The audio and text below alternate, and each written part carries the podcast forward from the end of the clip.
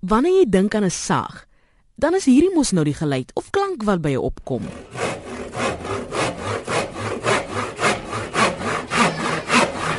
Nie die nie.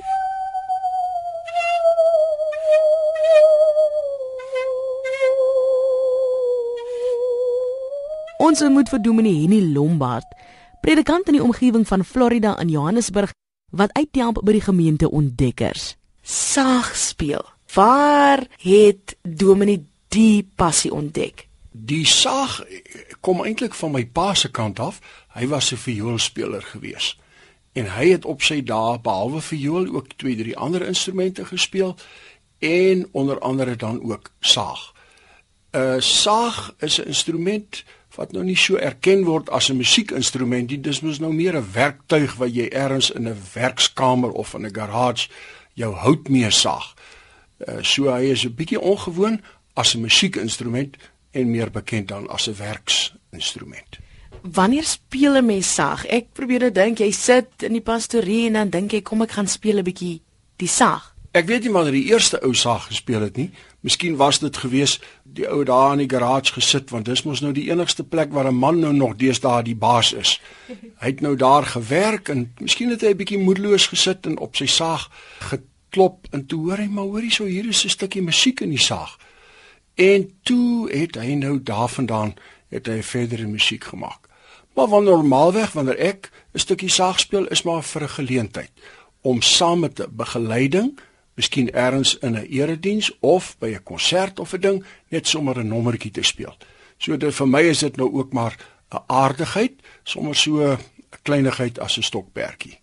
Weet oomenie hoeveel mense daar ongeveer is in Suid-Afrika wat wel saag speel? Dit generally is moeilik om te sê, maar ek dink daarom daar's ten minste 100 mense. So ek is by verre nie die enigste nie en ook baie beslis nie die beste een nie. Dis ouens wat baie goed kan saag speel. Maar saag het natuurlik ook maar sy uitdagings as 'n uh, instrument want uh, is 'n baie onsuiwer instrument. Jy kan nie presies altyd op die noot speel nie. Jy moet elke noot mee so bietjie ingly in hom in. Jy kan nie en veral kort vinnige nootjies kan jy op 'n saag nie baas raak nie.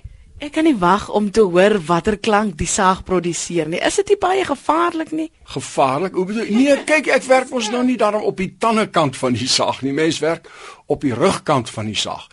Speel Dominee ooit vir die gesin sommer net so bietjie en wat dink die kleinkinders daarvan?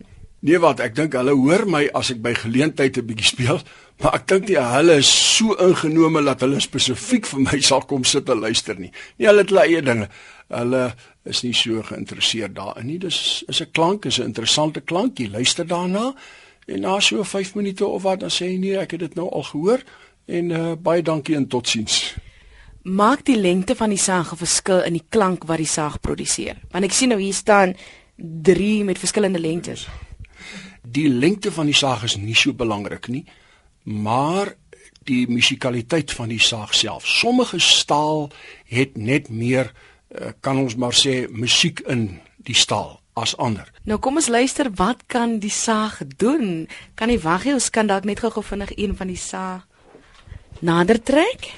Uh as jy nou die saag speel, dan uh, sit jy en jy knip die handvatsel van die saag so tussen jou twee knieë vas. En as jy regs is, dan knip jy die saals die saag se punt met jou linkerhand. En dan met 'n saag wat gebo is, dit wil sê 'n bietjie onderspanning, stryk jy met 'n strykstok, byvoorbeeld van 'n viool of van 'n cello, of selfs met 'n gewone stokkie, Engels dowel stokkie, kan jy as jy 'n bietjie harpuis op het, kan jy ook oor die saag se rug, dit, dit wil sê nie die saag kantkant nie, maar die saag se rug kan jy streel en dan kom daar 'n klanke. Uh, moet ek vir jou uh, sommer so die eerste reël van 'n stukkie speel? Asseblief. Nou dis 'n heilige lied want die heilige liedere se note is 'n bietjie langer. Dis uh, makliker om dit op 'n saag te speel. Uh, wat is dit? Hierdie is wat party ouens noem die Titanic lied. Dit is mos die lied wat die ouens gespeel het op die dek van die Titanic toe die skip vergaan. Nader my God by u. Nou praat party ouens al van die Titanic se lied.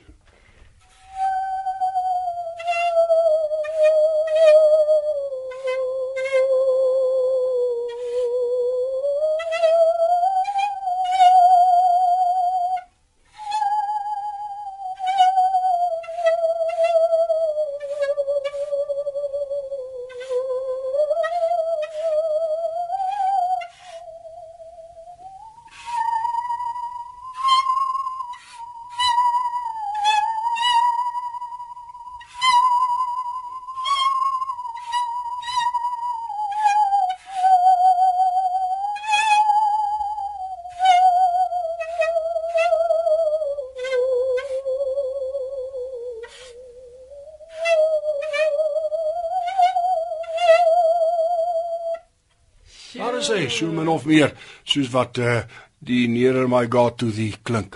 Ek dink ek gaan my mikrofoon nou vir Dominee gee dan probeer ek. Vir my net sê wat ek moet doen. Knep hom tussen jou knieë vas. Ja.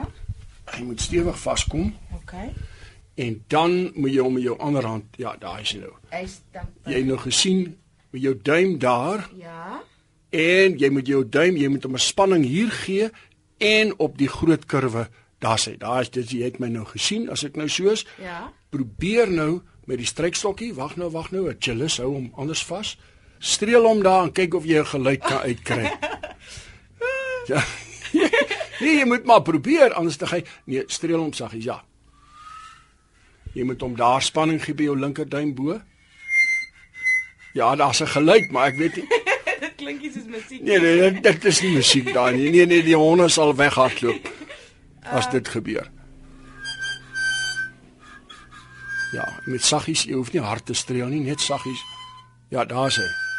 Daar's die gel die geluid is daar. Nou, al wat ons moet doen is om hierdie geluid te suiwer en te hoog en te lag te maak soos hy behoort te wees.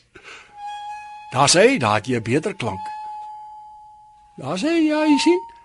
Daar is 'n bietjie musiek in die sag, miskien in jou hart ook 'n bietjie musiek.